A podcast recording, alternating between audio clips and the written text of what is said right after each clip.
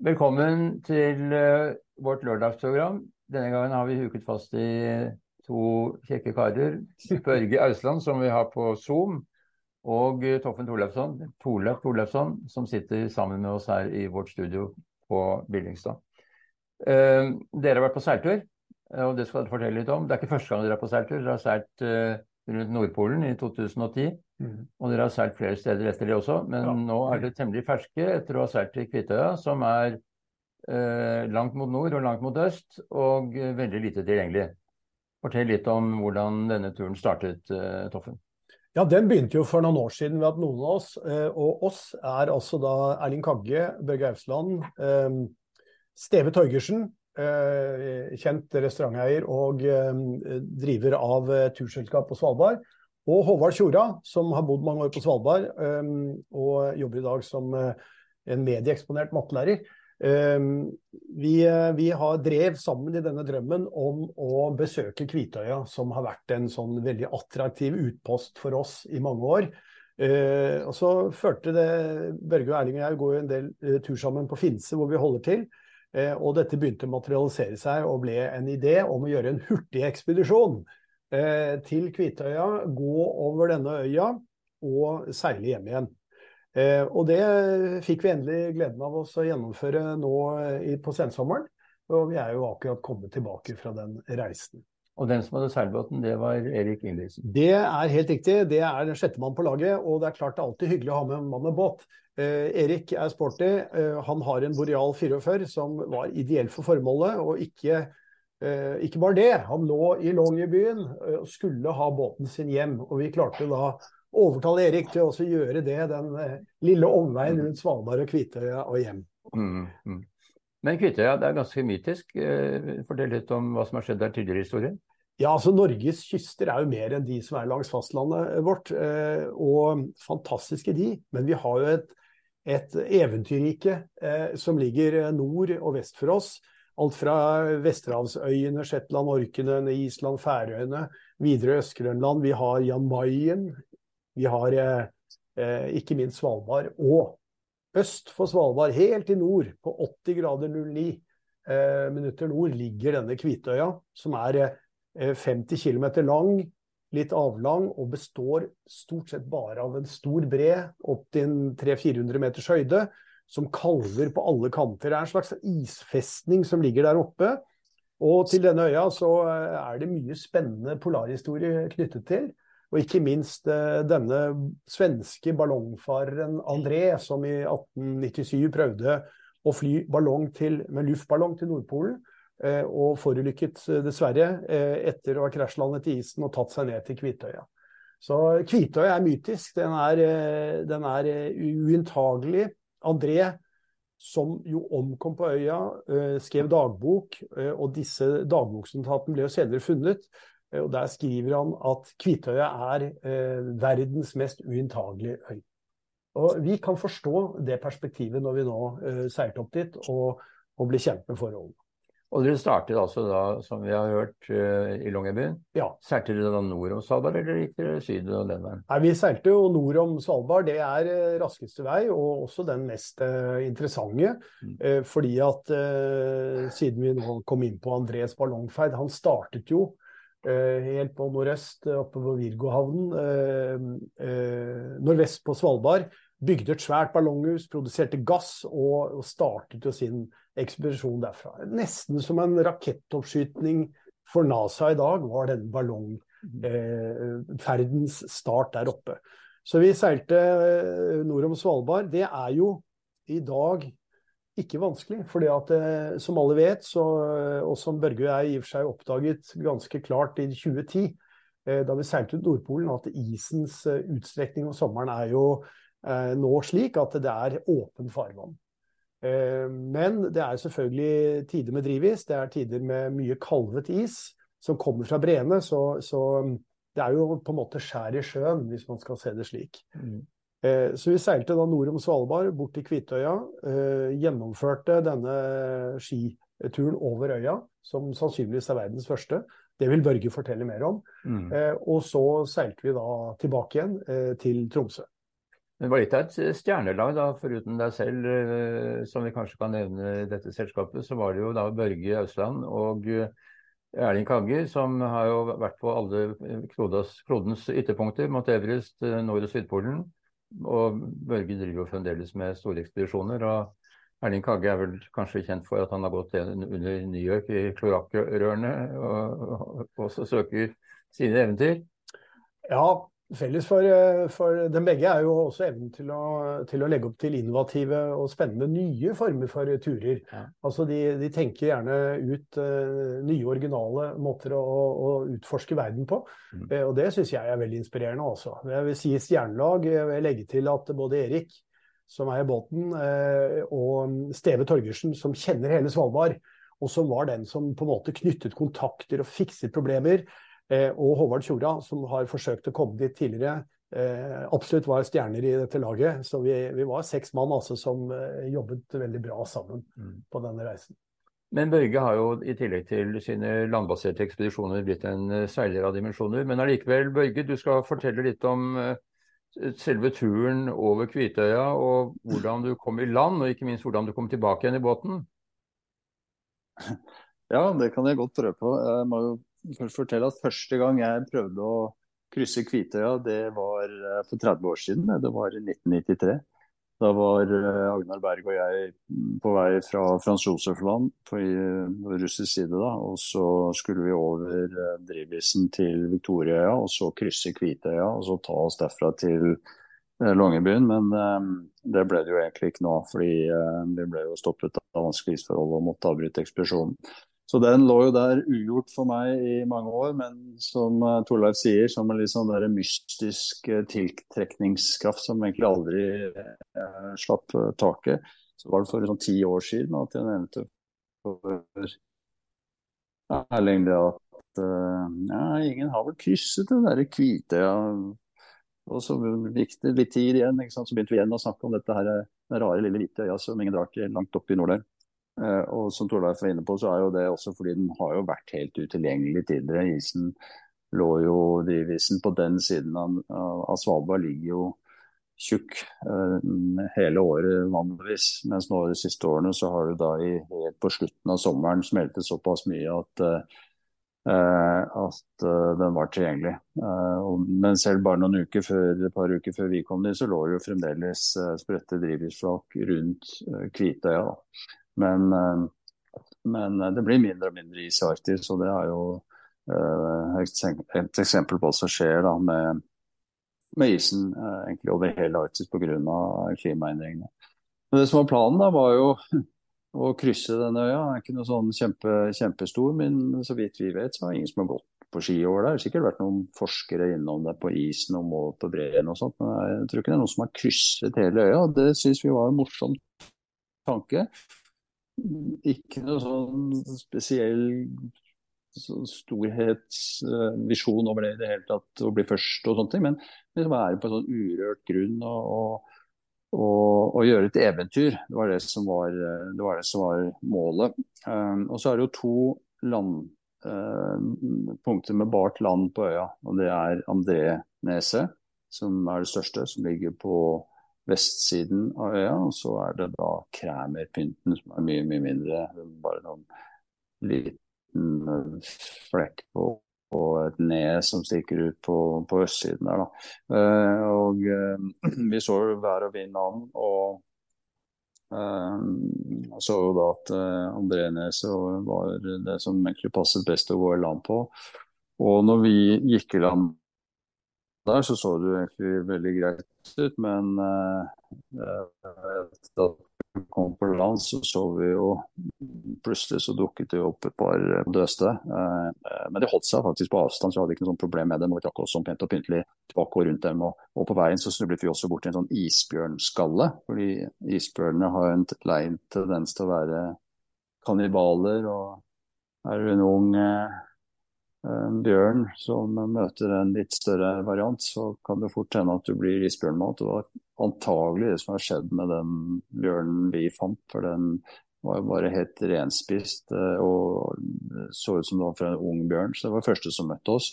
Men så kom vi oss greit opp på isen, og vi hadde undersøkt dette her eh, ganske nøye på med satellittbilder og sånt.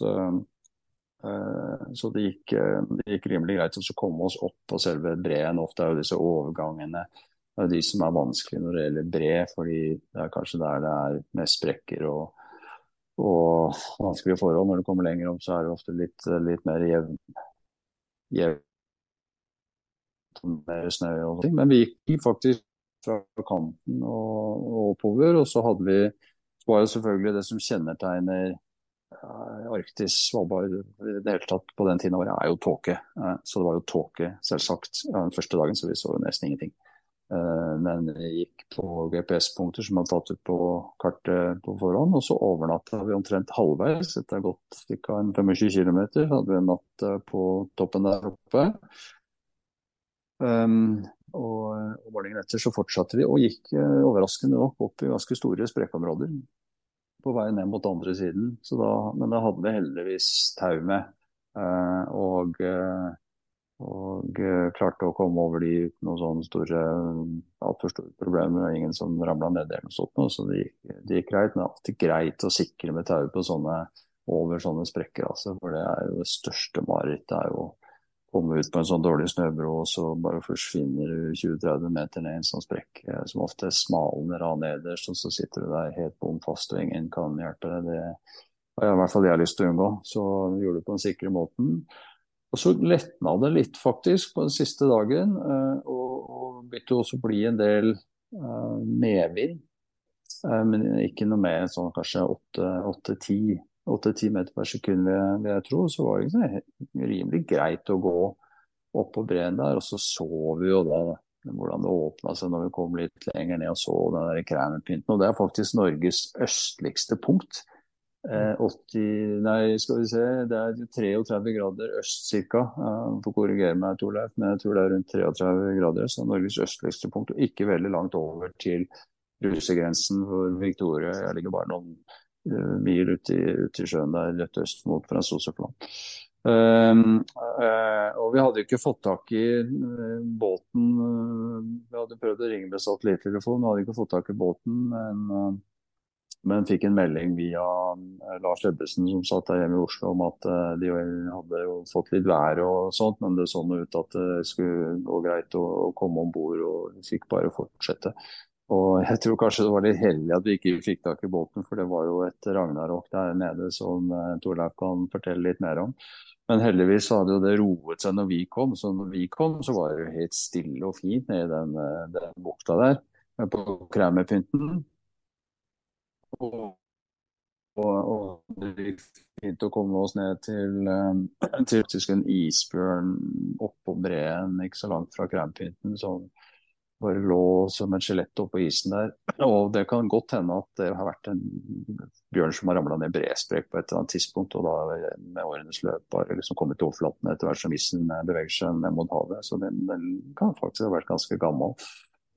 Uh, men det sier jo litt om hvor hardt livet er oppi der, egentlig. Um, og, og, og, når vi hørte, og så kom vi om bord i båten og hørte historien um, hvordan det faktisk hadde vært, uh, vært om bord der, hva som har skjedd når, de, når kom til Kremmerpynten. Og det er jo ingen havn, ingenting, ingen steder å gjemme seg. Det er sånn bitte lite, en liten landtunge, og resten er bred, og så er det Polhavet rett ut.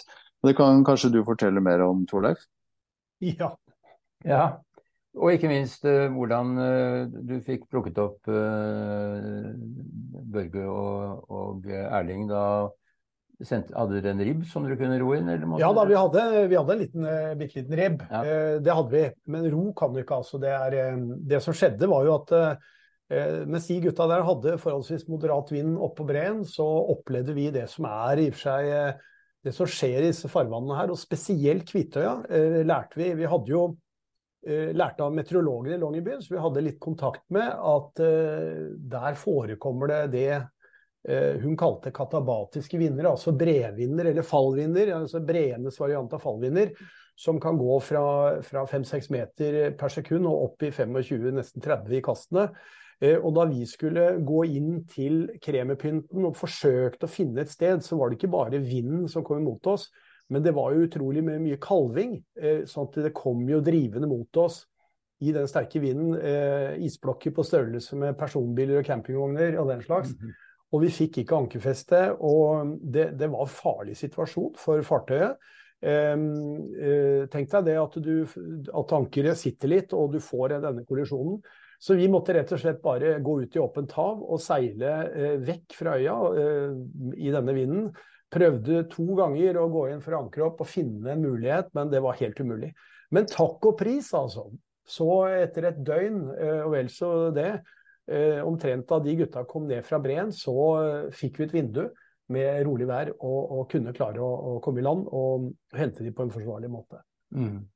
Men da med ribb eller med med ribben, ja. Ja, Mm. ja da. Mm. Nei, altså det er ikke noe mulighet til å gå inn til land der. Det er, eh, det er hele tiden foranderlighet, eh, og det er jo det som gjør øya eh, veldig spennende, da. Det er jo nettopp det André sa, dette er den mest uinntagelige øya i verden. Og jeg, etter den natta, den, det døgnet der, eh, hvor vi, vi forsøkte å holde oss i posisjon, så, så skjønner jeg den veldig godt, altså. Mm. Det, det, var, det var en veldig presis beskrivelse. Men så fikk dere gutta trygt om bord og, og seilte tilbake igjen da via Svalbard også til Tromsø. Ja, det, det var jo en kortversjon. Eh, Det, det, det var jo en komplikasjon eh, som oppsto på returen der. Jeg hadde jo av en eller annen klart å pådra meg en infeksjon i kneet før jeg reiste, som dessverre blomstret. Og jeg merket ikke noe før jeg var i og for seg på øya.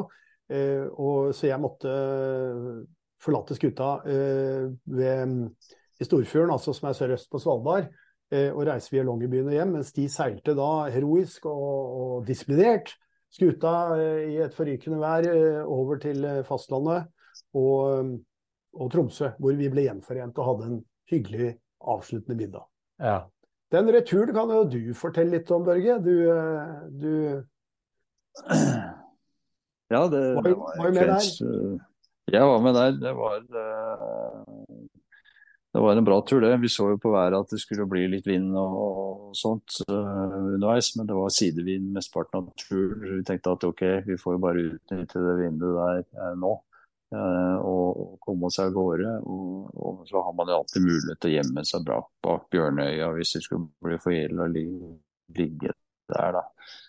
Men vi ønsket å få båten til Tromsø så fort som mulig, og det er jo en ganske stor båt. Um, Den er jo på 44 fot og brei og sånne ting. Og selv om vi hadde en 6-7 meter høy sjø på det meste og var jo oppe i 2-23 meter per sekund i kastene eh, med vind, så, så gikk det greit. Altså, følte aldri at det var noe problem eller at, eh, at båten ikke skulle tåle dette her. Så, så vi bare kjørte på, vi. Og kjørte firetimersvakter. eh, Fire timer på, fire timer av døgnet rundt. eh, Og, og så dreide jo vinden etter hvert. Altså, vi kom jo ikke eh, inn der vi hadde hoppet. Eh, Vi endte jo opp ved Sørøya, eh, men klarte å smette inn eh, mer eller mindre innaskjørs. Det er vel opphavet da også, også til, eh, til Tromsø. Deilig å klappe til, til kai da, og ikke minst å få båten trygt tilbake til fastlandet. For det er komplisert å ha båt liggende i Longyearbyen om, om vinteren. Så både skipper og også skuta var nok klar for det. Men altså nå har dere kunnet krysse en, nok en øy av de mange i Arktis. Eh, Jan Mayen har dere vært på, selvfølgelig. Grønland, eh, nå på Kvitøya. Og eh, det er vel ikke så mange Bjørnøya, kanskje ikke så lett å komme i land på når man seiler. Men eh, er det noen flere øyer dere skal besøke? Har dere noen nye mål for ekspedisjoner? Vi har mange nye drømmer, eh, og Hurtigekspedisjonen som konsept er jo eh, også vist seg å være interessant. Eh, Øst-Grønland kanskje, eh, og, og nordover der eh, kan være noe jeg drømmer om. Vi har jo snakket om det. Og Det er jo sånn disse turene vokser frem, at vi begynner å leke litt med tanker og ideer. Og mm, at vi er dels litt sånn interessert i både å kombinere innsikt i historien med det på en måte seilmessige, og kombinere Brevandring, seiling er jo fantastisk. Vi har jo kanskje et utrolig utgangspunkt i Norge for å gjøre det. Mm. I eget land kan vi gjøre det, og vi kan i og for seg gå over havet eh, til Grønland, og vi kan eh, søke nordover til Svalbard. Det er et eldorado. Det er helt Mm. fantastisk. Mm. Da sier jeg takk til Børge Ausland og uh, Torleif Føløsson. Uh, vi ser frem til nye ekspedisjoner og nye reportasjer. Vi kommer tilbake. Takk for, uh, takk for samtalen. Takk for meg òg. Ha det. Ha det bra, Ha det, ha Børge. det.